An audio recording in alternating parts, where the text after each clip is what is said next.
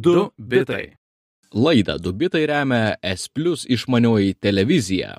Žiūrėk televiziją kada nori, per kur nori. Daugiau informacijos splus.lt. Labas rytas žinių radio klausytojai ir labas, įsirašykite patys dienos dalį čia, jeigu klausotės mūsų interneto puslapyje arba kaip tinklalaidėje. Čia yra du bitai prie mikrofono aš Jonas Lekevičius ir Aš Lukas Keraitis ir kaip mes, kaip ir kiekvieną savaitę, šiandien susitinkame apžvelgti svarbiausias technologijų pasaulio naujienas. Ir pradėsime turbūt nuo to, kad kas mūsų sekė jau visą mėnesį mūsų NFT kelionę. Prieš e, trejas ar keturias savaitės darėme laidą apie NFT, Non-Fungible Token, ne, keičiamuosius žetonus lietuviškai ir paleidom tą laidą kaip NFT ir viską užbaigėme, padedame tašką šitoje istorijoje tą NFT nusipirko kažkoks nepažįstamasis ir tie mums šimtas slapta prisistatė, bet aš nebeatskleisiu jo tapatybės, labai džiaugiasi mūsų palikta slapta dovanėlė. Taip. Um, jo paukoti pinigai bus nusiųsti kompiuteriukų fondui ir pabaiga yra graži ir laiminga. Taip, iš viso 108 eurai, ar ne, po ten tų visų mokestėlių. Prieš dar kelias mokesčius. Ten, na gerai. su kriptovaliutom jų jie nesibaigia, bet e, Žodžiu, kažko, kažko iš to pasimokėme, man atrodo, kad ir jums buvo smagu sekti mūsų nuotykius, tad štai e, NFT istorijos pabaiga ir keliaukime prie naujienų, nes šiandien jų turime visai nemažai ir pirmoji iš jų kaip pas mus gana reta laidoje, yra lietuviška, tai yra tai, kas vyksta Lietuvoje, kadangi praėjusią savaitę Junktinių valstybių astronautikos bendrovė SpaceX e, paskelbė, kad palydovinio interneto paslauga Starlink yra įjungta ir Lietuvoje. Ir greičiausiai jums teko girdėti apie Starlink, tai yra SpaceX a, planą visą mūsų gaublį a, išmazgyti gausybę, gausybę, gausybę palydovų, kurie tiektų satelitinį internetą visame pasaulyje. Jau dabar tų Starlinko palydovų yra beveik 2000, planuojama, kad jau aplink Žemę kažkada skries Na, įvairiai čia skaičiuojama, bent 30, kažkas sako, iki 50 tų tūkstančių palydovų bus, žodžiu, labai labai daug. Ir jeigu norėtumėte, dabar galėtumėte užsakyti Starlink internetą, kuris tikrai, tikrai nebūtų pigus, aš manau, kad jūs šią akimirką naudojate pigesnį. Pavyzdžiui, Vilniuje, jeigu norėtumėte šio interneto, jisai vien įranga, tai yra lėkštė, kainuotų 500 eurų. Tuomet dar atsiuntimas tos įrangos, tai yra tokios, na, palidonės lėkštės, kurią reikia nukreipti į dangų dar 80 dolerių ir eurų ir dar 100 eurų mokėtumėte kas mėnesį tiesiog už tą internetą, kurį be abejo jums gaudytų kažkur kaime, kur negaudo galbūt mobilus internetas. Greičiai nebūtų įspūdingi, greičiausiai apie 100 megabaitų per sekundę iki kartais 200 megabaitų, gal daugiau, priklausys nuo to, ar tuo metu skrenda pro jūs e, Starlinko palidovas ar ne. Starlink bendrai egzistuoja tokioje labai specifinėje nišoje šiuo metu. E, tokiose vietose, kur, kaip minėjai, interne, mobilus internetas nepasiekia, arba jeigu pasiekia, galbūt pasiekia tik tai 3G arba silpnas 4G.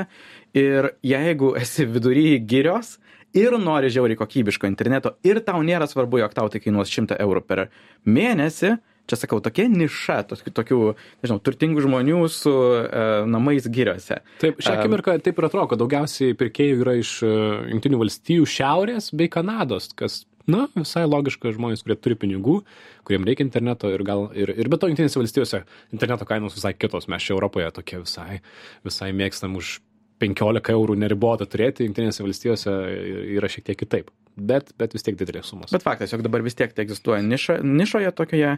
Ateitis, aišku, jeigu paklausti Eloną Musko, jisai visą laiką pasakys, jog viskas yra labai puiku jog norės konkuruoti ne su šviesolaidžiu, nes tam yra teorinių galimybių, kur galbūt lazeriai nukreipti tiesiai į dangų, galbūt gali net pradėti lenkti šviesolaidį, bet čia yra labai, e, turi būti labai, daug progreso praėję tam, jog tai iš tiesų įsigyvendintų. Ir tiek turbūt. Vienas iš tokių įdomių dalykų su tuo Starlink buvo, jog pernai metų vasarą buvo visai nesunku jos pamatyti danguje skrendančius. Mhm. Buvo net tokios programėlės, kur pasakydavo, kurioje vietoje į dangų žiūrėti, kokiu metu ir pamatydavai tokią žvaigždžių koloną einančią per dangų. Dabar tai yra jau šiek tiek sunkiau, nes viena, aišku, nėra vasara, kaip paprašiau stebėti dangų, bet ir patys satelitai buvo, jų dizainas pakeistas, jog mažiau atspindėtų šviesą, nes jie trukdė astronomams stebėti dangų, tiesiog Taip. įsterpdavo. Gavo tikrai nemažai kritikos šitas projektas už tai, kad na, astronomams visą dangų sumaišys ir, ir bus neaiškus ir iš tikrųjų, jeigu tų palydovų bus keliasdešimt tūkstančių, tai galima įsivaizduoti, kad taip ir bus. Ir gražiai, gražiai atrodė vasarą tie palydoviukai, kokie šeši, aštuoni iš eilės skrenda, aš nu, pirmą kartą pamačiau, net nežinojau, kad čia Starlinkas, tai taip visai, visai įdomiai atrodė, tokie kas porą pirštų tarpas danguje. Mhm. Skrenda gražus reikalas. Bet, na, aš prisimenu pačią idėją, kai Starlinkas tik tai pasirodė, kaip jį buvo kalbama, tai atrodė tada, kad o štai bus galima naudotis internetu Saharoje ir žiūrėti YouTube video. Dabar matai, kad gal, gal dar to reikės laukti, arba tai tiesiog bus brangu 600 mm, eurų bent, kad, kad tai veiktų. Na tai vis tiek yra greitesnis, um, greitesnis uh, internetas palidovinis už, už bet kokį panašų, kur, kurie dabar yra kaip konkurentai. Tad štai, uh, įsigykite, jeigu norit, nors greičiausiai neapsimoka. O kita naujiena yra mm, iš Junktinių valstijų. Junktinių valstybių federalinė prekybos komisija FTC trumpinama nori blokuoti Nvidia sandorį perimti lustų dizaino įmonę ARM Holdings. E, tas sandoris turėtų būti 75 milijardų dolerių vertės. ARM yra holdings yra jie kuria dizainą ir licencijuoja daugybę pasaulio mm, lustų. Devyniasdešim procentų pasaulio išmaniųjų telefonų naudoja būtent jų licencijuotus lustus. Ir na e, ftc sako kad jeigu šitas sandėris įvyks tai labai mm, išmuš iš iš vėžių visą rinką kadangi gamintojas ir dizaineris jie bendradarbiautų kartu ir tuomet dizaineris neatiduotų savo dizainų visiems kitiems kas taip pat gamina gamina lustus pasaulyje. Um, tai va Jonai, tu man atrodo daugiau visą laiką apie lustus nusimanai negu aš. Tai bendrai, žinai, paminėjai tokius bendrai, ką daro ARM, tai jie turi dvi kryptis, ką jie gamina. Galima sakyti, jie kuria būtent tą brandolio dizainą. Pavyzdžiui, geras pavyzdys yra dabar, kur visi sako, jog Google sukūrė savo procesorių savo išmaniesiams telefonams Google Tensor, tačiau tie brandoliai, kurie yra, kabutėse, Google sukurto procesoriaus, iš esmės yra ARM brandoliai. E, mhm. ARM sukuria būtent tą patį branduolį, kurį leidžia susiklijuoti jau savo lustus ir pasidaryti savo pilnai veikiantį procesorių. Tai čia yra jų viena, viena iš verslo krypčių. Kita yra, jie turi e, taip vadinamą instrukcijų rinkinį, kuris ir žinomas būtent ARMO vardu ir galima nusipirkti to instrukcijų rinkinio licenciją. Pavyzdžiui, kitas instrukcijų rinkinys yra x86, kurio veikia Intel ir AMD procesoriai. Ir yra kompanijų, kurios tiesiog licenzijuoja tą instrukcijų rinkinį. Pavyzdžiui, Apple, jie neima brandolių iš ARM, mhm. bet tačiau jie paėma tą instrukcijų rinkinį, kuris yra geras, labai energiškai efektyvus ir tada kuria savo brandolius. Ir bendrai pasaulyje vyksta dabar tokia ARM revoliucija. ARM pereina visur. Visur, kur dominavo kažkokie skirtingi dalykai, pradeda dominuoti vien tik tai ARM. Tai paminėjau, jog telefonuose jau seniai buvo praktiškai vien tik ARM, bet dabar laikrodžiai arba išmaniai laikrodžiai arba kažkokios tos e, juostelės ant rankų, joms irgi tampa labai svarbu baterija, tad visos naudoja ARM procesorius. Laptopuose, nešiojimuose kompiuteriuose irgi tampa svarbu baterija, pavyzdžiui, e, Apple M1 MacBookai jau naudoja ARM architektūrą savo procesoriuose. Microsoft pradeda kurti su ARM kartu procesorius Windows e, kompiuteriams, plus yra išleidę e, Windows for ARM operacinę sistemą.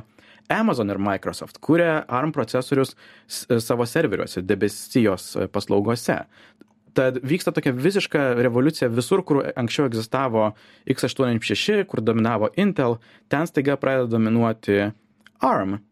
Ir tai praktiškai suvardyji visas pasaulio technologijų bendrovės. Taip. Ir staiga šitas, e, šita bendrovė, kuri mielai teikia paslaugas visiems, nes tiesiogiai su nieko nekonkuravo, negamindavo savo telefonų arba savo kompiuterių ir tiesiog kūrė branduolius ir, ir instrukcijų rinkinį, staiga ją nori nusipirkti vienas iš tų naudotojų.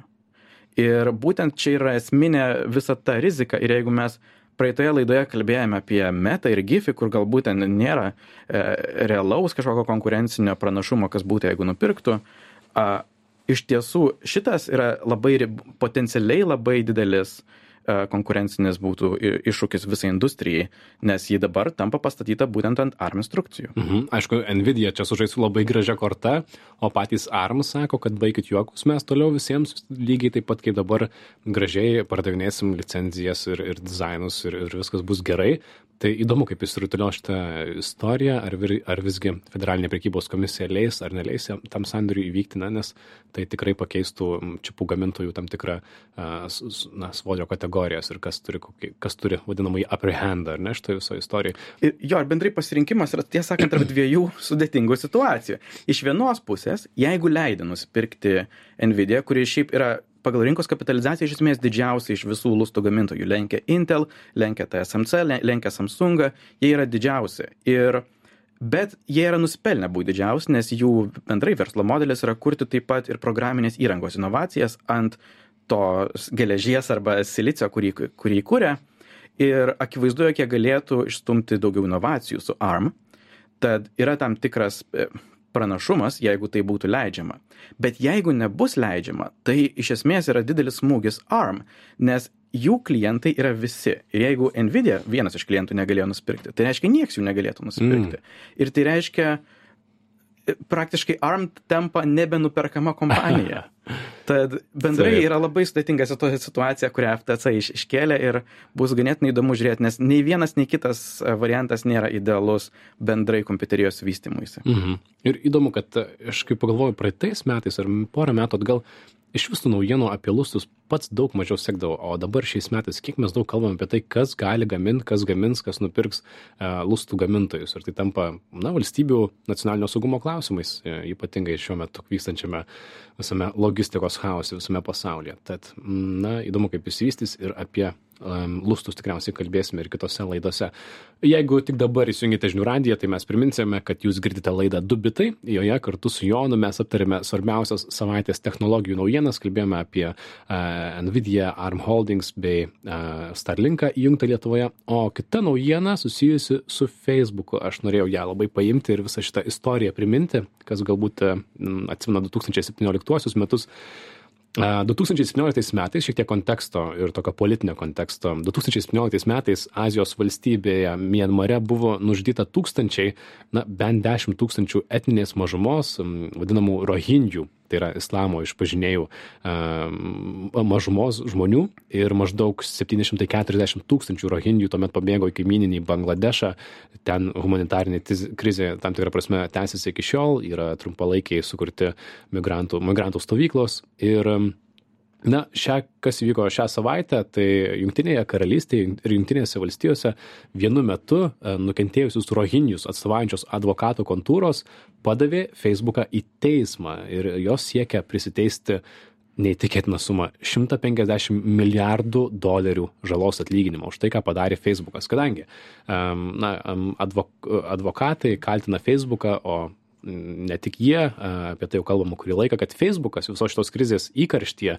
jisai visiškai galima sakyt nereagavo į tą neapykantą kuri buvo kurstoma būtent feisbuke prieš rohinius prieš tą etninę mažumą. Tai kaltinimai yra tokie kad feisbuko algoritmai netgi didino neapykantos kalbą prieš rohinijus kad feisbukas visiškai neinvestavo į moderatorius ir ir faktų tikrintojus toje šalyje kurie sužino na suprastų politinę situaciją kad jie neištrynė paskyrų ir įrašų kurie skatino skatino neapykantą ir skatino susidorojimą su rohinijais na žodžiu mm, iš esmės feisbukas labai mažai darė toje šalyje tuo metu. Ir netgi du tūkstančiai penkioliktaisiais metais feisbukas um, turėjo tik du birmiečių kalbą suprantan birmiečių kalbą suprantančius turinio moderuotojus kurie galėjo iš esmės na suprasti kas yra postinama mianmare. Nors tų uh, moderatorių šią akimirką turi penkiolika tūkstančių ir dauguma jų kalba anglų kalba. Tad štai aš atsimenu du tūkstančiai septynioliktuosius metus kai kai šita istorija jau buvo viešumoje detalių buvo gerokai mažiau bet tuomet jau buvo aišku kad e, iš esmės e, feisbuke mianmare yra skatinama sudoroti su rohinijais ir įrašai kurių feisbukas neišėmė pavyzdys e, užpilkime degalų ir padekime juos greičiau, kad jie sutiktų greičiau Alachą. Ir panašus postai Mienmare tuo metu buvo tiesiog, na, pražiūrimi Facebooko ir moderatorių. Ir e, dabar, dabar matome to pasiekmes. Aš žinau, Jonai, kad tu gana skeptiškai žiūri visą šitą reikalą ir šitą, na, ne, ne reikalą, bet šitą padavimą į teismą, ar ne? Manai, kad tai niekur nenuves? Bendrai aš visą šitą temą, tiesą sakant, itin skeptiškai žiūriu. Dėl daug daug tokių taškų ir punktų, bet yra trys gal esminės mintis, kurias noriu pasakyti. Pirma, visa byla kaip byla, tiesiog padavimas į teismą yra nesąmonė um, ir tiesiog noras iš to pasipelnyti. Tai apie tai. Tai yra tas vadinamas class action byla, kurioje advokatai surenka žmonės, kurie yra pasipiktinę, jie visi kartu paduoda įmonę į teismą ir stengiasi prisiteisti tam tikrą sumą. Kosminę sumą. 150 milijardų dolerių, kaip pasakėjai, tai yra šeštadalis visos meta įmonės kapitalizacijos arba beveik 20-30 metų jų pajamų. Taip, Visas Facebookas per, kosminė, per visą kosminė. savo egzistenciją negalėtų susimokėti tiek, kiek e, prašo. Bet bendrai visos šitos class action bylos, jos yra tam tikras metodas kuriais advokatų kontoros mėgsta pelnytis nes jie labai neretai pasiima nuo trisdešim iki penkiasdešim procentų priteistos sumos ir jie jų motyvacija tampa kuo plačiau kuo garsiau kalbėt apie bylą tam jog kuo daugiau žmonių pasirašytų tam, jog būtų didesnis legitimumas. Bet todėl man rimtai galvoti apie tai kaip tikrą kovą su prieš genocidą yra labai sudėtinga, nes tai yra tiesiog būdas, kaip Amerikoje teisininkai gali užsidirbti daug pinigų. Mhm. Ir Junktinėje karalystėje taip pat, kuri taip pat mhm. paduota į teismą, ar ne? Antras punktas, kurį noriu pasakyti, yra, jog jeigu kažkodėl, aš tikrai nemanau, jog tai bus, bet jeigu kažkodėl šita byla būtų laimėta iš tų advokatų, tai manau būtų tik tai blogiau visam internetui. Nes visas internetas yra pastatytas ant tokios pagarsėjusios sekcijos 230, kuri užtikrina, jog platformos iš esmės nėra atsakingos už vartotojų skelbimo turinį. Jos turi teisę moderuoti turinį, tačiau neprivalo ir iš esmės negali būti baudžiamos, jeigu jos to nedaro. Tam yra daug išlygų, sąlygų, papildomų komplikacijų susijusių su tam tikro tipo turiniu, bet labai plačiai žiūrint, jos iš esmės negali būti baudžiamos, jeigu nemoderuoja tam tikro e, dalyko. Tai patikslinkim, kad kalbame apie Junktinių valstybių įstatymus, bet e, visos didžiosios technologijų kompanijos yra ten. Tad, tad, Būtent ir joms galioja tie įstatymai, metai galioja Amerikos įstatymai. Taip. Tad šitas sekcija 230 iš esmės įgalina visiems vartotojams rašyti e, suteikia teisę rašyti turinį. Todėl mes ir turime tokį internetą, kokį turime, kur aš galiu ant savo Facebook'o sienos parašyti, ką galvoju ir man nereikia būti akredituotam kažkokiam žurnalistui, kurio, kurio turinys būtų mhm. tikrinamas ir kuriam būtų taikomos tam tikros taisyklės. Jeigu tai tampa suvaržyta, tai yra šitą bylą kažkas laimi ir meta turėtų susimokėti už nepakankamai moderuojamą turinį, pasikeistų visas, visa interneto forma, nes nebe būtų per didelė rizika būti kažkur, kur tu negali užtikrinti šimtaprocentinio turinio moderavimo, kas iš esmės reikštų, jog tik tai patikimas turinys iš patikimų įmonių būtų apskritai leistinas internete. Ir man tai būtų tiesiog interneto tokio, kokį mes jį turime sunaikinimas. Ir tai ypač pasijaustų tokioms valstybėms kaip mes, kaip Lietuva, nes mes mėgstam pasiskūsti, kaip ilgai mes kažko neturime. Jok mes ilgai neturėjome Spotify, neturėjome Netflix, dabar vis dar neturim Disney. Ir tai yra todėl, jog na, mes esame maži, net turint omenyje, jog esame Europos Sąjungoje, mūsų šansai iš esmės yra maži. Ir jeigu atsirastų didelių reikalavimų kiekvienoje valstybėje elgtis pagal jų įstatymus, turėti stiprią moderatorių komandą, užtikrinti, jog visi vertimai egzistuoja, tai tiesiog būtų per didelis iššūkis plėstis. Ir mes iki šiol turbūt nebūtume turėję Facebook'o Lietuvoje galbūt. Taip, aš suprantu, apie ką tu kalbi, visgi man atrodo šitą istoriją, džiaugiuosi, kad neišėjo į paviršių ir nors ir labai atrodo mažai tikėtina, kad visgi bus laimėti šitie teismai, e, man atrodo ta kritika Facebook'ui, kad jisai atėjo į šalį, kurioje keliasdešimt metų visa informacija buvo iš esmės valstu, valdoma valstybės, tai buvo iš esmės propaganda ir tuomet suteikė tokį įrankį, kuris na, leido visiems sakyti, ką nori, ir žmonės sakė, kad nori ir skatino neapykantą, bet Facebookas dėl to tikrai darė labai labai mažai ir jis tą pripažino, tarp kitko, 2018 mhm. metais pats padarydamas nepriklausomą tyrimą, e, kuris pasakė tą, tą, tą pačią išvadą, kad taip, Facebookas labai labai mažai padarė, kad, na, sumažintų tą neapykantos klaidą. Jis, aišku, Facebookas sako, kad, na, turi pirmiausia patys naudotojai pranešti apie tokį žaidintį įrašą, kad mes jį galėtume apskaičiuoti ir panašiai. Na bet, na bet, na bet. Tikrai vienas iš pavyzdžių, kai Facebookas Būtent, bet pats vardėjo, kad, prasme, labai gali būti, jog to alternatyva yra tiesiog propaganda, kur, kur žmonės neturi balso ir neturi teisės skelbti kažko viešai.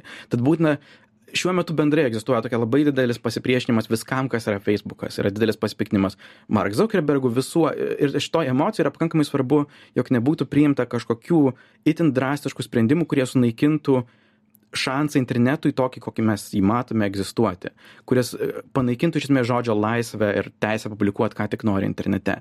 Tad labai svarbu pripažint, aišku, tas klaidas, bet spręsti jas racionaliai ir neužblokuoti um, dėl vieno blogo pavyzdžio visos interneto struktūros. Tai, tai, tai, tai ir neįvyks. Na, bet vis tiek, 9 procentai Facebook'o vartotojų yra kalba anglų kalba, bet 87 procentai iš tų 15 tūkstančių Facebook'o moderatorių yra būtent anglakalbiai. Tai man atrodo, šitą pasako apie, apie tam tikrą uh, nelygybę. E, ir yra laiko vienai paskutiniai naujienai, ką mes kalbam, kosmosas ar, ar privatumas, Jonai, apie ką pakalbėsim. Galim ir kosmose. Kosmosą, ar ne? Gerai. Uh, tai va, paskutinioji šios, šios dienos naujiena yra apie tai, kad NASA paskelbė sudariusi tris daugiau nei šimto milijonų ver, dolerių vertės kontraktus su trimis skirtingomis privačias kosminės stotis žemutinėje orbitoje kursiančiomis kompanijomis. Uh, tai yra, na, šią akimirką visi žinome, kad aplink Žemę skrenda tarptautinė kosminė stotis. Ji jau šiek tiek paseno, turėtų veikti maksimaliai iki 30 metų, kainavo 100 milijardų dolerių. Ir, ir, ir jau baigė savo šlovę. Tad NASA nori, kad privačios įmonės prisidėtų prie kosminių stočių kūrimo ir sako, kad gali finansuoti iki 40 procentų kosminės stoties kainos ir Blue Origin, NanoRex, Northrop Grumman ir dar šiek tiek anksčiau Axiom Space, jos visos gavo kiek daugiau nei 100 milijonų dolerių, labai apylygės sumas ir joms sakoma, ei, konkuruokit, žiūrėkim, kuri padarys geresnę kosminę stotį, su, tai, su tais ir dirbsime. Jeigu padarys kelias kosminės stotis, mes dirbsime su jumis visais, tad įdomus NASOS verslo modelis beveik. Ir, ir manau, kad kitą dešimtmetį reikės dar palaukti, kalbėsime, kai kalbėsime apie kosminės stotis, reikės patikslinti, apie kurią kosminę stotį kalbė, nes šią akimirką yra tarptautinė kosminė stotis. Ir taip pat Kinijos Tiangon kosminė stotis e, skrenda jau aplink Žemę, šių metų balandį paleista tad laukiu kito dešimtmečio. Taip, e, aš manau, tai yra toks visai um, pasikeitimas um, viso modelio, kaip mes, mhm. kaip veikia interneto kosminės stotys, nes iki šiol tai buvo toks dar iš šaltojo karo laikų atėjęs valstybių didybės ženklas, kur nebuvo tokio šimtaprocentinio uh, praktinio pagrindimo visiems kaštams, nes taip pat tai buvo prestižas turėti tą kosminę stotį. Ir staiga, kai NASA moka tik 40 procentų uh, sutinka mokėti tų kosminės stoties išlaidų, uh, įmonės privalo sukurti komercinę prasme savo, savo stotims. Kažkokiu būdu užtikrinti, kad tai nebus tiesiog pinigų skilė ir tai turi nešti pajamas. Ir manau, būtent tai bus tas įdomiausias dalykas. Kokios bus kosmoso industrijos, kurios susikurs, kurios finansiškai pagrys šitą gigantišką investiciją. Taip. Ir pabaigai mano klausimas. E, gerai, tai Junktinės valstijos nori kelias turėti kosminės stotis, Kinija jau turi kosminę stotį, nors jinai labai labai maža palyginus su tarptautinė. Indija kalba apie savo kosminę stotį, taip pat netgi Singapūras apie tai kalba. O kur Europa šitoje temoje? ir ar mes turėsime po dešimtmečio suskraibinti amerikiečių ko kosmines bazes, kad galėtume juose apsilankyti? Mano klausimas, kuriam, kuriam neturiu atsakymų. Tad e, tiek naujienų šiandien laidoje Dubitai. Čia buvome mes, Lukas Keraitis ir Jonas Lekevičius. Kaip visuomet šios ir kitų laidų įrašus rasite žinių radio interneto svetainėje žiniųradijas.lt, dubitai.com, ten dedame visus šaltinius, technologijų naujienos grupė Facebook'e, ten galime pasilabinti dažniau, o mes atsisveikiname iki kitos savaitės, grįšim su kitom naujienom. Iki. Iki. Du bitai. Laidą Dubitai remia S Plus išmanioji televizija. Žiūrėk televiziją kada nori, per kur nori. Daugiau informacijos splius.lt.